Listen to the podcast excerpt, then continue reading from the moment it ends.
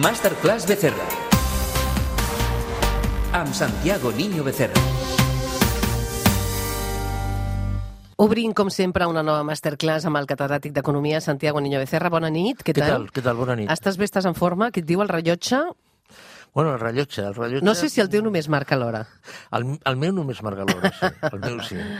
però t'ho pregunto perquè ens ha sobtat la notícia que diu que, segons un estudi, l'Apple Watch pot detectar si l'usuari té problemes eh, cardíacs. És el que faltava, et pregunto, perquè els smartphones, els wearables, eh, els smartwatches es faran, ens faran diagnòstics mèdics i ens diran quin tractament ens convé, fins i tot el nostre rellotge, Santiago? Bueno, a veure, mm, per recomanar tractament jo penso que encara falta una mica. Ara, el que sí que és cert és que aquestes aplicacions, mm, la de l'Apple Watch, l'aplicació cardíaca de l'Apple Watch és la primera, però bueno, però hi sortiran molts, molt més. Això significa apropar la telemedicina a les persones. Uh -huh. Això pot reduir els costos de- d'hospital, els costos de clínica en vertical.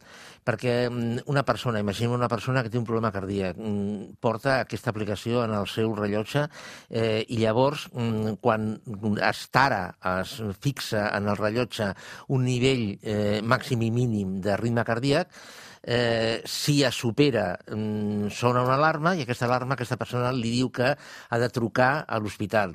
Sofistiquem més això.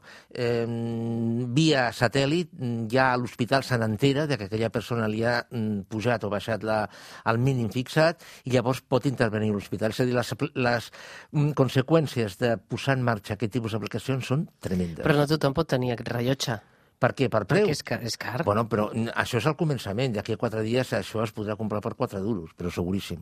Perquè, perquè eh, torno a dir, és que això significa baixar els costos sanitaris molt. Clar, això vol dir que quedarà alguna cosa a les nostres vides que no controlarà les grans tecnològiques, fins i tot controlarà la nostra salut? Mm, seguríssim, la salut per descomptat. A més, és que la salut, eh, com, com a tractar, és a dir, eh, la, la, la salut ha, ha tingut diverses fases. Eh, ara estem entrant en la, en la fase de la medicina preventiva. Eh, la medicina preventiva mm, d'entrada pot ser molt cara, el que passa és que després eh, estalvia moltíssims costos. Eh, jo penso que això mm, s'estendrà no només en tema de, de rellotges, sinó com abans has dit, és a dir, sensors a roba, eh, etc etc.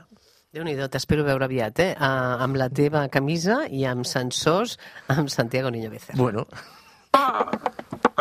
La Rosalía. Uh, que jo sé que nascut per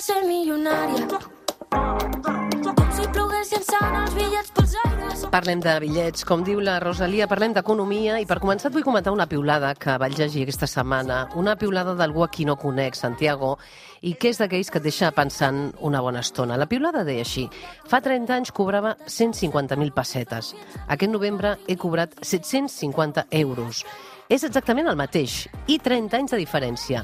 I no és un cas únic, moltíssima gent et diu que fa 10, 20, 25 anys cobrava igual o més cara, però els preus van pujant. Com, et pregunto, com es pot sostenir això, què et sembla? bueno, com diuen els polítics, eh, m'encanta que m'hagis fet aquesta pregunta. Molt bé. Eh, a veure, aquest senyor, eh, aquest càlcul l'està fent molt malament. Per què? Perquè ha de considerar eh, la inflació d'aquests 30 anys. És a dir, és veritat que a nivell numèric eh, les dues quantitats són la mateixa.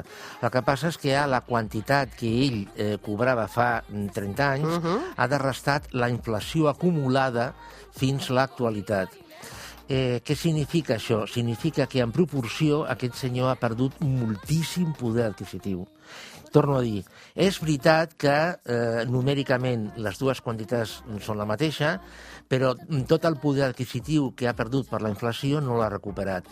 Mm, malauradament, mm, moltíssima gent i moltíssims polítics, per no dir tots, quan fan una comparació d'aquest tipus, mai eh, introdueixen el, el poder adquisitiu, i això s'ha de fer.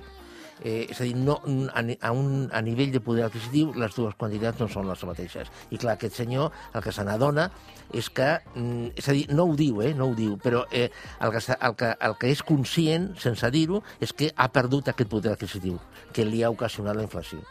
Però els salaris han pujat? No, no han pujat, em diries, en, en, respecte d'altres anys. Bueno, a, a veure, jo tinc un petit estudi mm, comparant l'evolució del salari mm, dels salaris entre l'any 2000 i l'any 2019, són, són 19 anys, a un nivell eh, monetari, és a dir, monetari vol dir eh, el, els, el diner que et paguen, els salaris han pujat, han pujat molt els salaris, eh, en termes mm, nominals, en termes monetaris. Ara, si afegim la inflació, mm, els salaris pràcticament no han pujat res, res, des de l'any 2000 a l'any 2019. Des de l'any 2000 al 2019? Estem parlant, o sigui, perdona, en 19, Chantal. en 19 anys no han pujat gaires Pa- els salaris, estem, diries. han pujat pues, igual un 1,5%, 2%, eh, en, en tot el període. Eh? Eh, evidentment estem parlant de salaris mitjos, no estem parlant la persona X o la persona Z, estem parlant de eh, salaris mitjos. Uh -huh. Per tant, els salaris mitjos en 19 anys han pujat poc, per tant no està del tot, del tot equivocat aquest No, senyor. no, no, no, clar, clar que no. El que passa és que eh, ell, torno a dir, eh, eh, està comparant quantitats només, eh, una quantitat i una altra quantitat. I, i, I el que no diu és que, clar, eh, l- aquesta, aquesta sensació que aquesta persona té és que el que ha perdut el- és la inflació. Uh -huh. Uh, per tant, uh, bé, uh, uh, creus que hem de ser optimistes, no? No hem de ser tan pessimistes, no?, en aquest cas. No, doncs jo penso que els salaris, la veritat, salaris mitjos, eh? el salari mig jo no crec que pugi molt eh? amb els darrers, amb els propers anys. És més, jo penso inclús que baixarà. És a dir, els salaris, els salaris eh, mitjos, salaris que cobra la gent normal, eh, que no té o alts càrrecs directius, o bé eh, que mm, fan tasques de recerca amb altíssim nivell. És a dir, el que diu el, el, el, salari, el salari normal, uh -huh. eh, aquests jo penso que o no pujaran res o inclús baixaran. Eh? I si parlem de si pugen o baixen els sous, també parlem de les feines, perquè em sembla que els experts no s'acaben de posar d'acord. Desapareixeran tantes feines en un futur com es diu? Quins sectors seran els més perjudicials? És cert que només caldrà treballar 12 hores, com va dir Jack Ma, president del, del, del gegant xinès Alibaba. En van parlar, um, i amb tu també en van parlar, però avui també ens preguntem quantes feines desapareixeran o seran substituïdes per robots. Quina previsió creus? Perquè han sortit, han sortit dades. A, a veure, eh, ara per ara, mm, i de mitja, i de mitja, per cada lloc de treball que crea eh, una tecnologia, de mitja, per favor, eh, destrueix set llocs de treball. Això està passant ara. Quan, quan torna a repetir la xifra? Eh, per cada lloc de treball que crea Mm, la, tecnologia? la, una tecnologia, destrueix set. Això és una Però realitat. en torna a crear, de nous. Un, un i destrueix set. Eh, i llavors, ah, clar, tu, ara em diràs, bueno, però mm, eh, l'atur no creix amb aquesta proporció, és a dir, mm, no, evidentment no, però eh, aquestes set persones, o, o la meitat, o la quantitat que sigui d'aquestes set persones, a on van? Al subempleo. És a dir, eh, una, una tecnologia crea eh, un lloc de treball a, a, en el sector tecnològic i destrueix set. Eh, bueno, en, en realitat és entre 6 i 7. Eh, aquestes 6 i 7 persones, entre 6 i 7 persones tenen un lloc de treball a temps complet, contracte indefinit. Eh, mm, M'ho invento. Tres, tres d'aquestes 6 o 7 eh, on van? a l'atur. I les altres on van? Van, o quatre, és igual, van a una feina a temps mm, parcial uh -huh. i temporal, amb contracte temporal. Llavors, eh, no és una destrucció absoluta, és a dir, aquestes entre 6 i 7 persones no se'n van a casa seva o no se'n van a prendre el sol perquè no tenen res a fer, però evidentment empitjoren eh, la, la, el seu contracte de, de treball i per altra banda, evidentment, la, el salari baixa, la remuneració baixa. Eh, és a dir, eh, la tecnologia està mm, destruint ocupació i a la vegada està abaratint salaris de la gent inclús que treballa.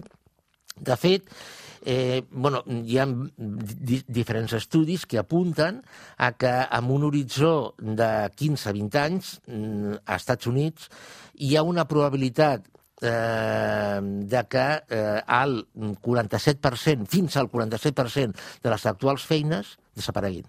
47%, déu nhi 47%. Inclús Però se'n crearan de, de noves, eh? perquè el Fòrum Econòmic Mundial deia que en, també en dos anys es crearan 50 milions més de llocs de treball del que s'haurien destruït, també. Eh? Eh, jo no estic d'acord amb això, però No? no? bueno, no, però bueno, eh, és igual, no entrem en xifres. És a dir, mm, es, cre es crearan llocs de treball, sí, però torno a dir de quina qualitat, amb quin salari, amb, quin, amb quina generació de valor. Eh, mm, és a dir, aquest, aquest és el problema. Eh, és a dir, quan, quan es va produir la primera revolució industrial, eh, a, a finals del segle XVIII, començaments del segle XIX, es van destruir llocs de treball, però es van crear de nous, pràcticament semblants, pràcticament semblants. Ara no.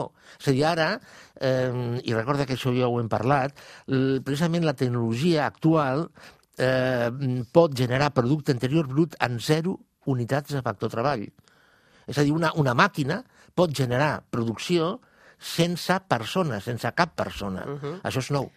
Uh, per cert, uh, diem sobretot els sectors, sectors que estan d'apostar sobretot uh, els que comencen a incorporar el món de treball, perquè hi ha un informe que, que m'agradava molt que deia aquests sectors. Mm, A, a veure, els sectors, els sectors és que, és que mm, jo, jo penso que entrar en aquest detall dels sectors Mira, te'l comento. Diu, salut i serveis socials, serveis Sí. TIC, i oci i cultura. En canvi, eh, comerç, agricultura, banca i tasques administratives es perdran moltíssims llocs de treball. Sí, a, a veure, jo, jo sóc que anava a dir, és a dir, són, són mm, amb, com a regla general, eh, és a dir, treballs que requereixin una participació humana eh, molt elevada, aquests sectors, de moment, o aquestes feines, de moment, quedaran molt al marge de eh, l'automatització. Per exemple, hem, hem començat parlant d'aplicacions mm, per portar el rellotge que eh, bueno, et chequin la, la, la teva salut. Mm, això perfectament automatitzable. Ara, mm, el treball d'una infermera que comunica a una família com ha sigut el resultat de la intervenció quirúrgica del seu fill, perquè s'automatitzi això, falta moltíssim, eh? Moltíssim. Déu-n'hi-do, eh, com sempre, ens agrada parlar amb el Santiago Niño Becerra. Sempre ens quedem curts. Jo crec que, Santiago, has de tenir més seccions al Revolució Bueno, no 4.0. sé. T'agradaria? Bueno, sí, no? doncs escolta, doncs intentarem que hi hagi més Santiago Becerra, Santiago Niño Becerra al programa. Gràcies, com sempre, i una abraçada. Molt bé, gràcies, bona nit.